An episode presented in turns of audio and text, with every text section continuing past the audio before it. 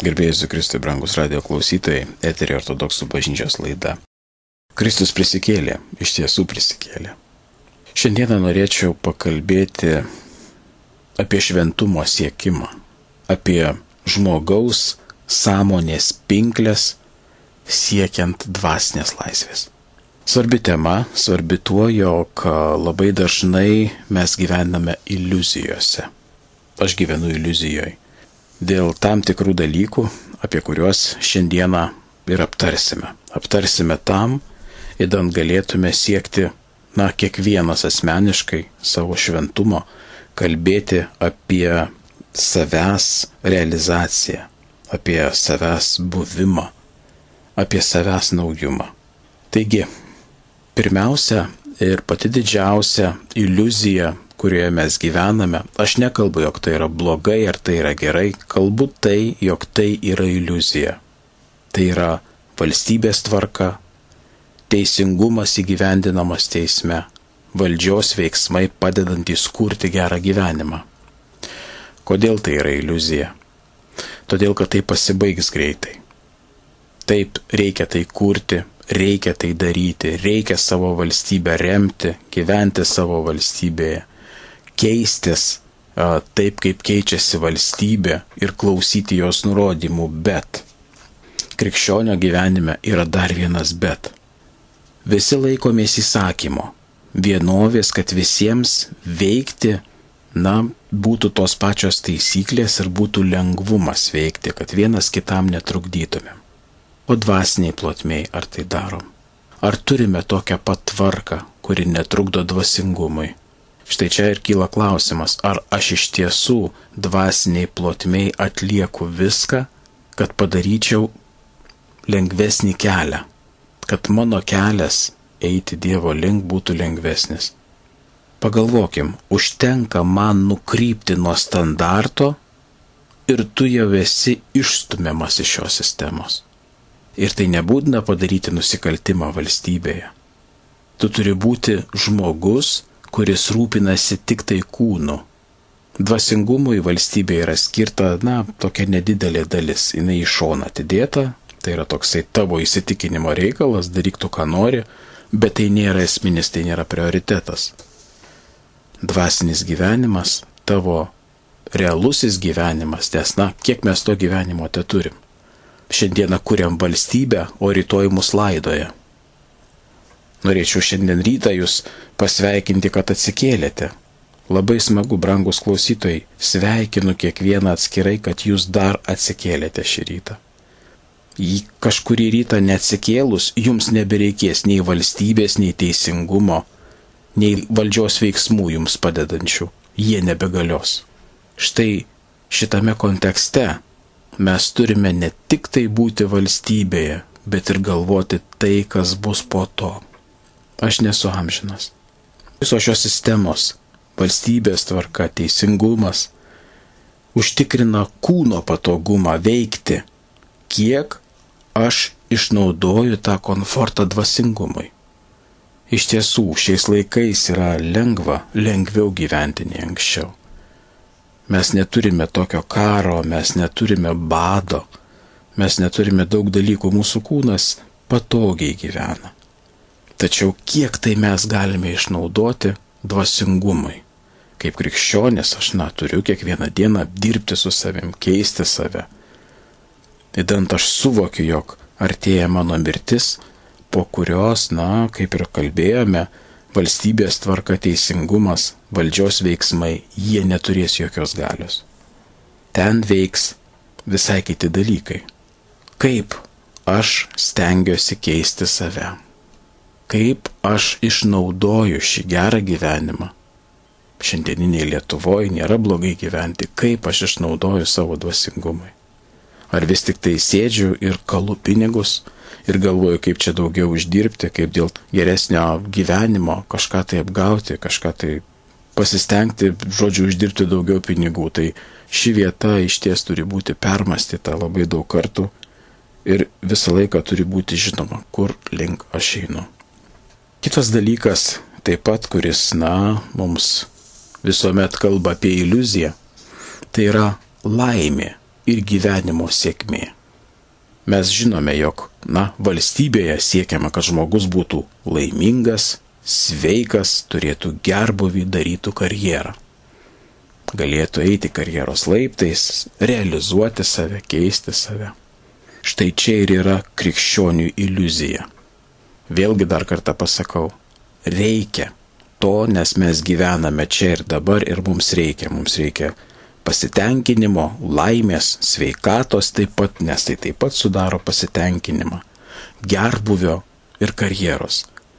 Nes žmogus, tas, kuris, na, išgyvena nepriteklių, išgyvena kūno skausmą, jis ne kiekvienas su tuo susitvarko.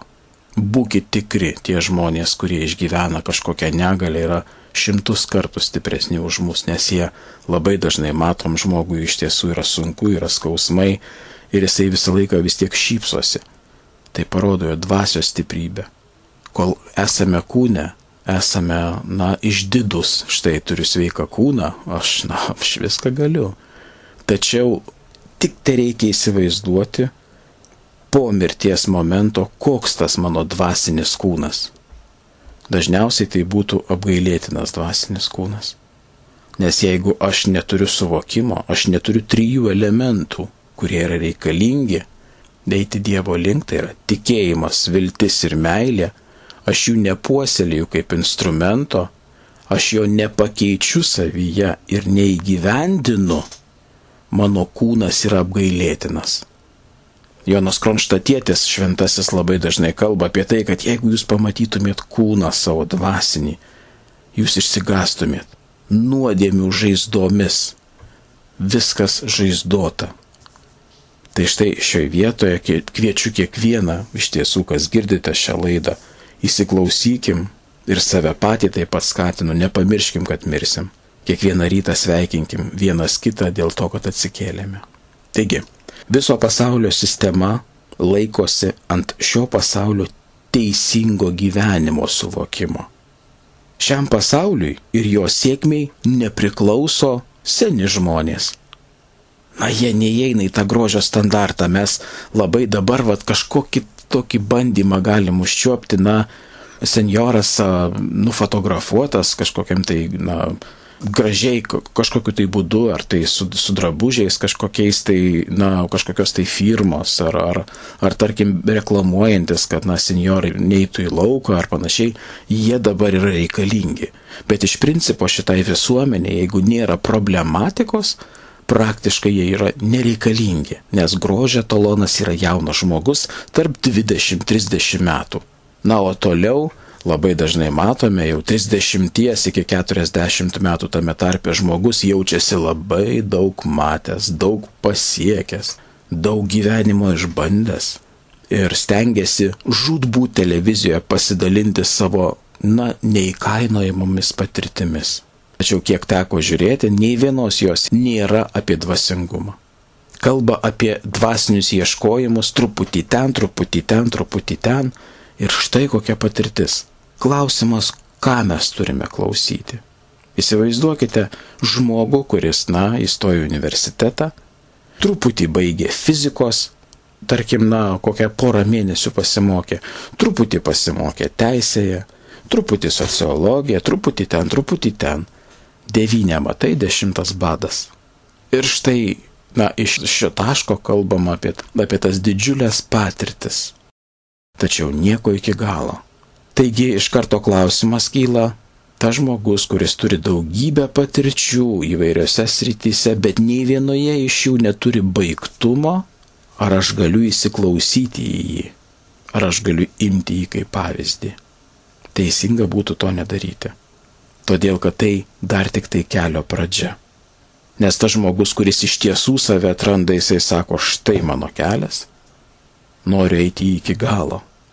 Buvo visokių kelių, bandžiau, bet štai šitas kelias, va, štai yra tiesa, einu iki jo iki galo. Tada yra teisinga. Tai štai čia jau mes galime ieškoti tos laimės. Kitas dalykas, šiai visuomeniai taip pat nepriklauso negimę vaikai abortai. Tampa norma. Tampa norma žudyti, nes labai svarbus seksualinis pasitenkinimas. Tai yra šios visuomenės pagrindas ir viskas pastatyta ant seksizmo. Tam įdant gauti tą tokį visišką pasitenkinimą. Kūnas, kūnas, kūnas ir kūnas. Visa kita nėra svarbu. Tai jeigu kalbėti apie tai, kas mus įtakoja, tai na, geriausia, geriausia apie tai pakalbėti dabar. Mūsų įtakoja kūnas. Jo patogumui sukurtas šis pasaulis ir viskas atiduota, na, į tamsos rankas tam, kad valdytų šį pasaulį. Dvasingumo jame mažai. Dvasingumo krikščionis turi siekti pats. Turi kiekvieną dieną atsiminti, jog jis mirs, tai yra viena iš taisyklių. Ir kiekvieną dieną siekti savęs keitimo. Visuomet matant, jog visas, kas mane supa, yra į pasitenkinimą pasitenkinti ten, pasitenkinti ten, gerai būtų gerai, jeigu ir sėdamės melstis, tai būtinai reikia patogiai atsisėsti, tai turi būti gera, turi būti būtinai šilta, kojoms turi būti šilta, jau gink Dieve bažnyčioje atsiklaupsiu aš ant žemės šaltos, taigi, taigi mano keliai. Šitoje vietoje ir turime įsimastyti, iš tiesų, ką aš darau. Ar aš einu į Kristų, ar aš iš ties esu visas atsidavęs Kristui, atsidavęs žinajam gyvenimui. Mastau apie jį, keliu tuos klausimus savo, kad ką aš turiu šiandieną padaryti, kad mano dvasinis kelias šiek tiek pasikeistų į gerą, kad nepamirščiau savęs kaip sielos, nes po mirties visa mano šita kūryba, šitas gerbuvis pasitenkinimas neteks jokios prasmės. Paskaičiuokime, milijardai žmonių gyveno iki mūsų. Kur jie dabar? Kur jų dabar pasitenkinimas. Taip pat kitas dalykas, kuris, na, nepriklauso šiai iliuzijai ar, na, šiai laimiai, gyvenimo sėkmiai, tai yra neturintis pinigų žmogus. Ir visai nesvarbu, kad, na, jis ir nukentėjo nuo šios sistemos, nes jisai buvo ramesnis, jisai ėjo tiesos keliu, bet, na, buvo versle apgautas ar panašus dalykai. Yra daugybė schemų, nes esminis šio pasaulio dalykas tai yra žūt būt, būti laimingu čia ir dabar, turėti pasitenkinimą, priemonės, na, tos, kurios leidžia įstatymas, jeigu yra galimybė įstatymą apeiti, jie apeis, bet būtinai turi būti pasitenkinimas šiam gyvenime čia ir dabar. Taigi, kaip ir sakiau, tai yra viena iš iliuzijų - laimė ir gyvenimo sėkmė. Dvasingumui ši iliuzija yra visiškai iliuzija. Atsiminkime, kaip gyveno šventieji Jie tą laikė iliuziją. Laimę ir gyvenimo sėkmę laikė iliuziją. Naudojosi šio gyvenimu tik tiek, kad pasiekti dvasingumą. Tai nesakau, jog mes turime pulti stačia galvą ir, ir, ir gyventi ir atsisakyti laimės ir, ir nebūti šioje sėkmėje, gink Dieve to nesakau. Kalbu apie tai, jog mes turime, na, turime šeimas ir, ir turime pajusti tą laimę, bet visur turime turėti Kristų. Štai čia turime visuomet matyti, kur link einame, kad mirties akimirka neištiktų mūsų šokas ir stabarų nestovėtume.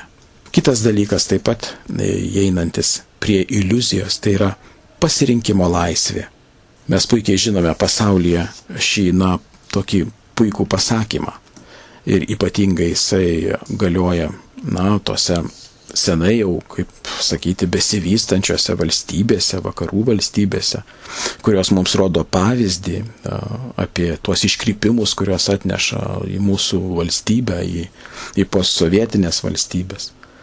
Apie tą pasirinkimo laisvę, tačiau pasirinkimo laisvę kūniškume, bet ne pasirinkimo laisvę ten, kur tu gali vystyti save kaip asmenybę. Yra labai gražus jų posakis, show me the money. Parodyk man pinigus tada aš tau pasakysiu, ką aš galiu padaryti. Pasirinkimo laisvėje yra daug iliuzijų. Tarkime, aš galiu pasirinkti automobilį. Nu, gali pasirinkti iš kelių variantų. Tau yra duoti tas, tas, tas, tas, tas. Tai yra iliuzija. Yra tam tikri modeliai, iš ko tu gali rinktis. Bet tai nėra laisvė. Dvasiniai plotmiai laisvė yra visiška laisvė Dievuje, buvime, ramybėje materijos ten nėra. Po mirties mes neturime materijos. Dėl to bet koksai pasirinkimas, pasirinkimo laisvė yra susijusi su iliuzija. Labai dažnai protą apjuodinant ir galvojant, štai, aš dabar uždirbsiu, nusipirksiu automobilį, štai nusipirksiu namą, pastatysiu, na, medį pasodinsiu, čia šeima susikurs, tuoj puiku, viskas bus, aš tą, aš tą, aš tą, aš tą, aš tą. Ir štai iš to iliuzijoje vieną dieną tu prabundi ir tu žiūri, kad jau tu esi žmogus su insultu. Pusė tavo kūno yra paleryžiuota ir tu nesuvoki, ką toliau daryti.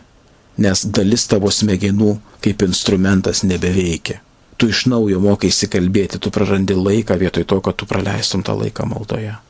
Tačiau tas žmogus, kuris tinkamai naudojasi pasirinkimo laisvę, pasirenka tik tai tiek, kad jam reikėtų gyventi, būti, išlaikyti šeimą, aprūpinti savo šeimą, bet tuo pačiu dvasingume gyventi.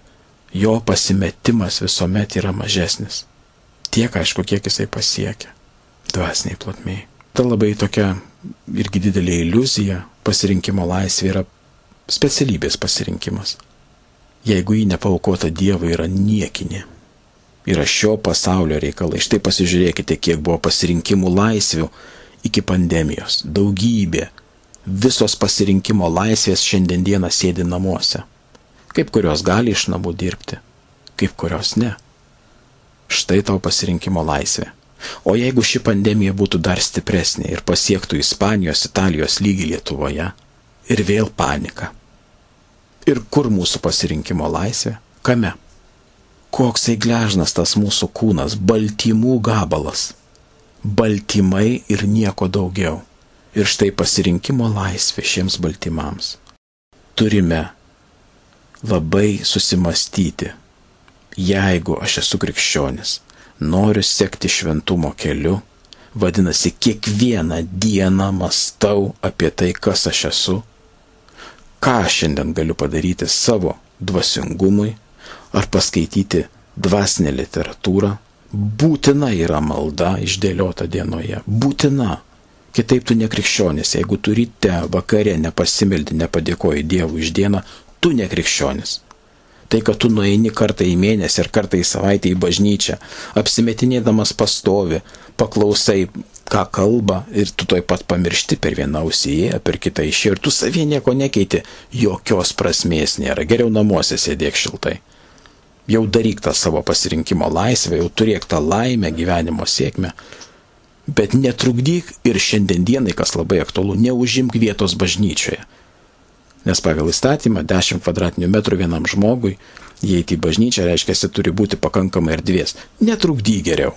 Nu tai jau sėdėk tu ten namuose, vis tiek nieko tu nedarysi toj bažnyčioje, atsistosi, žiūrėsi, kas kaip apsirengęs, Petrą, Antaną senai matėjai, dar tą apšnekėsiu, na ir išėjęs iš bažnyčios dar kažką pasakysiu. Brangieji, bažnyčia siekia žmogų skatinti samoningumui. Būk samoningas krikščionis, suvok, atėjai į bažnyčią, galbūt tai paskutinis kartas. Rytoj tu gal neatsikelsi, viskas. Atlik kaip paskutinį kartą pareigą prieš savo sielą Dievo akivaizdoj. Nes tau siela davė kaip duotybę, tau ją Dievas padovanojo, štai vystyk ją, kaip tą pinigėlį duodamas.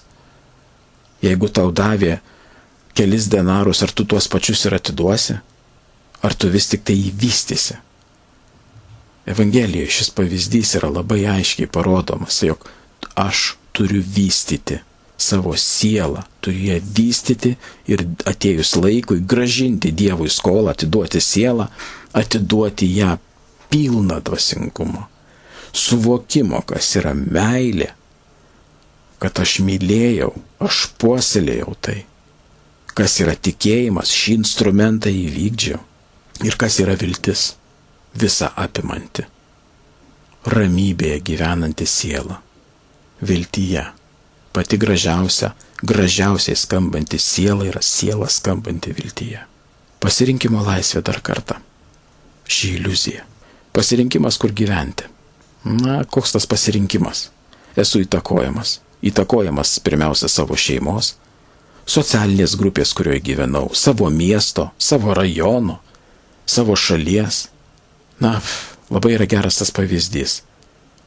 Žmogų galima iškelti iš kaimo, bet kaimo iš žmogaus ne, neįmanoma. Tai štai apie ką kalba Kristus, apie viską atiduok, viską palik ir sek paskui mane.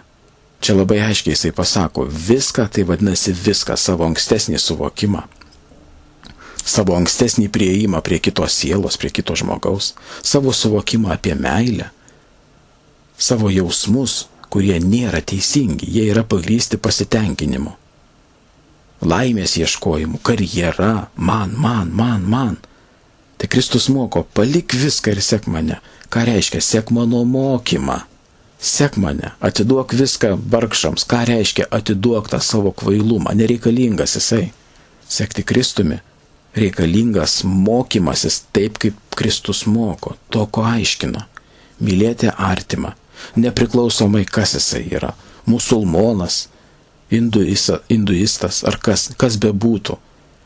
Žmogau, kokia iš tavęs nauda, jeigu eidamas į bažnyčią tu ket, keturis, penkis kartus apšauki kitą tik į kažkokiu tai kvailiu ar netinkamu žmogum gyventi šiam pasaulyje. Tai nėra kelias į šventumą kelias į šventumą yra meilė kitam. Ne tavo tai reikalas, ne tu teisėjas. Neteisk ir pats nebūsi teisiamas. Arba bent jau teisk taip, kaip tu norėtum, kad tu būtum teisiamas. Štai ši vieta yra labai svarbi permastymui. Pasirinkimo laisvėje, nes Kristus moko palikti viską ir sekti jį, vadinasi, meilėje. Pasijėjo visi žmonės, nepriklausomai kas jie.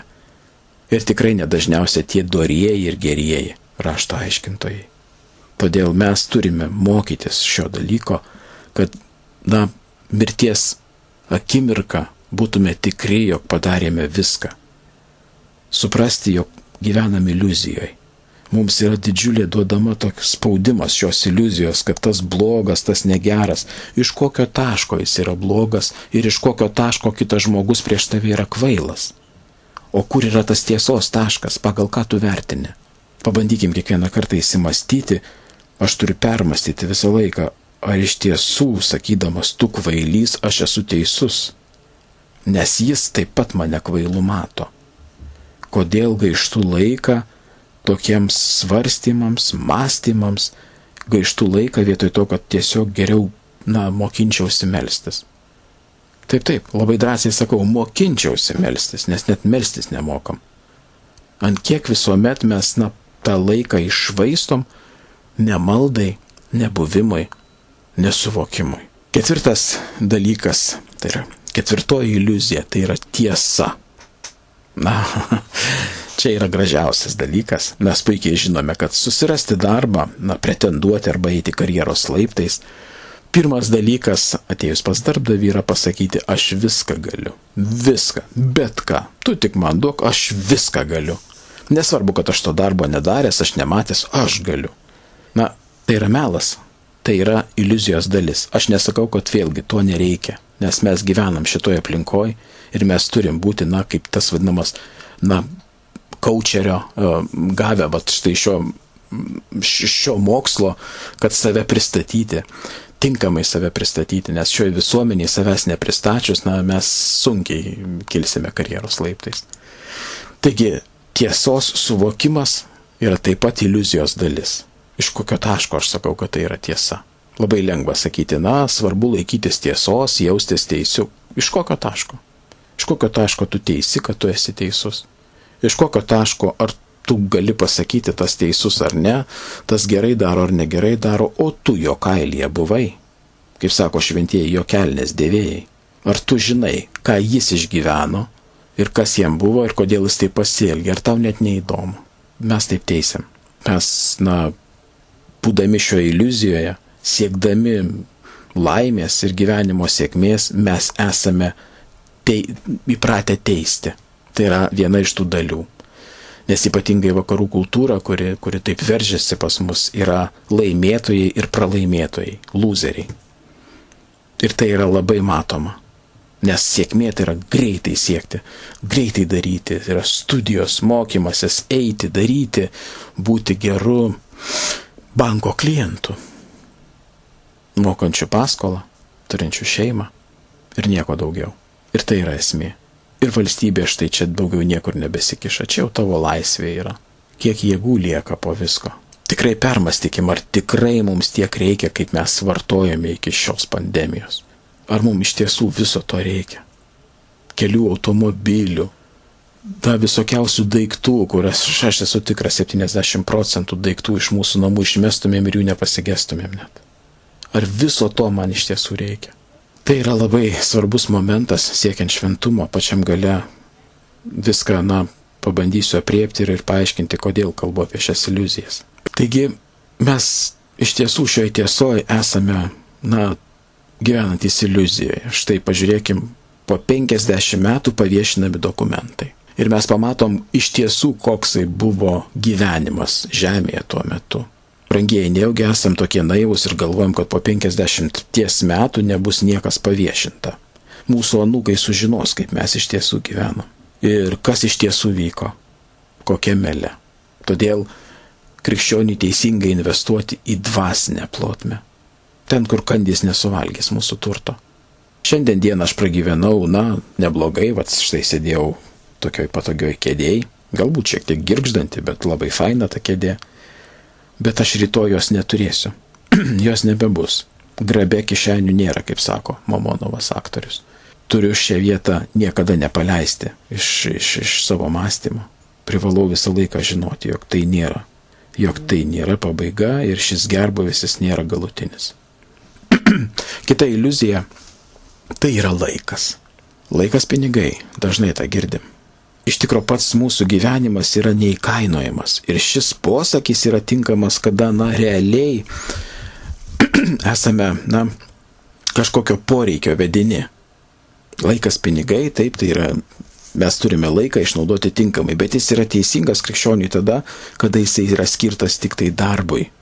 Bet po to, po tų 8 valandų ir kiek mes bedirbtumėm, tai atidedama į šoną ir užsimama savimi, savo sielos vystimu. Jūs tik pagalvokim, pagalvokime visi.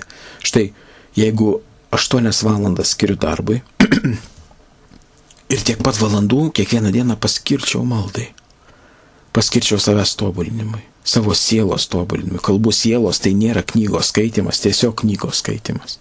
Aš kalbu apie dvasinę literatūrą, kuri kuri keičia mano sąmonę taip, kad aš vystyčiau šias tris vertybės - tikėjimą, viltį ir meilę. Galima daug literatūros skaityti įvairiausios, įvairiausių kūrinių. Mes iš ties, na, žemės gyventojai esame turtingi literatūrą ir, ir visų kitų. Bet ką tai duos pomirtiniai plotmėjai? Taip, tai duoda etiką, vidinį stotą, kultūrą mano vidinę. Esu kitoks žmogus, esu laisvas, esu mąstantis. Tačiau tai su tikėjimu nieko bendra neturi. Tikėjimas yra visai kas kita. Nemaišykim tų dalykų, kas sako, sako štai žmogus išsilavinęs, jisai vadinasi dvasingas. Ne, ne. Dvasingumas yra visai kas kita. Dvasingumas tai yra gyvenimas Dievuje. Tai yra mano veiksmų pastovus atidavimas stebėjimui Dievui. Štai kaip gyvena vienuolynė žmonės, kurie šventieji gyvendavo visą laiką Dievo akivaizdoje. Nuo ryto iki vakaro kiekvienas veiksmas yra stebimas Dievo. Štai kur yra tiesa. Ir laiko teisingas panaudojimas. Todėl kiekvieną kartą gyvendami, vat, kiekvieną rytą gyvendami, sakau kiekvieną kartą, nes kiekvienas rytas kaip nauja diena gali tiesiog šiandien ir pasibaigti Kiekvieną dieną, kiekvieną savo veiksmą apšvieskim Dievu. Na ir šeštas paskutinis dalykas - skaldyk ir valdyk. Tai yra kito žmogaus lindimas į kitą žmogų. Jo laiko paskirstimas. Tai labai dažnai būna darbdavi, kuris, na, jaučiasi turintis galę jo netgi laisvą laiką išnaudoti savo naudai. Nes reikia, nes reikia, nes reikia. Tokių reikalų daug buvo. Taigi, brangieji, turime suprasti tie, kurie turime atsakomybę prieš kitus žmonės. Laisvą laiką turime atiduoti tam žmogui, įdant jis galėtų jį panaudoti dvasingumui. Kitu atveju aš prisijimu atsakomybę už to žmogaus laiko vogimą. Darbas, taip jis yra svarbus, bet jis niekur nepabėgs. O mano gyvenimas rytoj gali baigtis. Turėkime atsakomybės vienas prieš kitą, skatinkim vienas kitą dvasingumui, meiliai, tam, kad vystytume, vystytumėmės kaip krikščionys.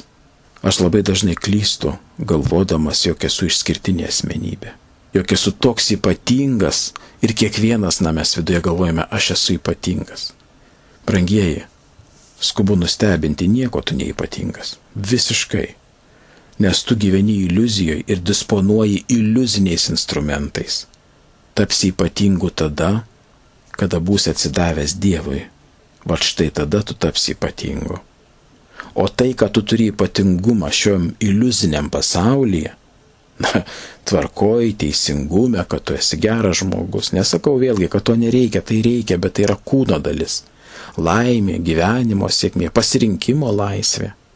Taip, bet tai visa yra iliuzija, jinai vieną dieną pasibaigus, tu neteksi viso to.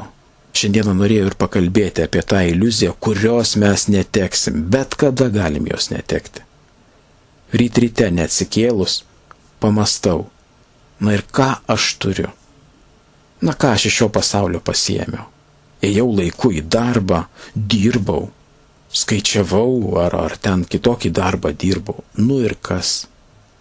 Atėjo tsunamis ir nuplovė tavo statybų aikštelę. Kas liko? Atėjo pandemija ir nušlavė tavo darbus.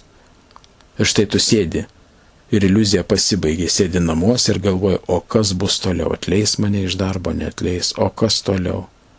Ir štai iliuzijos vaisiai. Visiška, visiška iliuzija.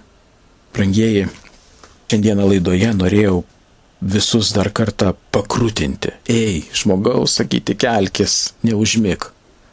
Rytoj tu jau gali mirti. Šiandieną tu guvus, aktyvus, o rytoj tu jau neatsikeli. Su šiuo retoriniu klausimu ir noriu baigti šią laidą. O ką tu išsineši į kitą pasaulį? Juk šiam pasauliu mes labai trumpai pabūsim. O ką tu pasimsi su savim? Pasimsi kelis tik tai dalykus - tikėjimą, viltį ir meilę. Štai šių trijų dalykų vaisius. Visa kita neteks prasmės. Ten nebus artimųjų, nebus mylimųjų, nebus taip ilgai uždirbinėto automobilio ar namo, ar sodybos. Nebus nieko. Būsi tu Dievo akivaizdoje. Tad gyvenkime taip, kaip mokė mūsų šventieji, kiekvieną dieną išnaudokime ir būkime laimingi. Kristus prisikėlė, brangieji. Laidą vedžiau aš Egidijus Tankievičius. Iki kitų susitikimų susitiksim ir kalbėsimės toliau. Ačiū, kad esat, būkite sveiki, melskime vieni už kitus. Sudė.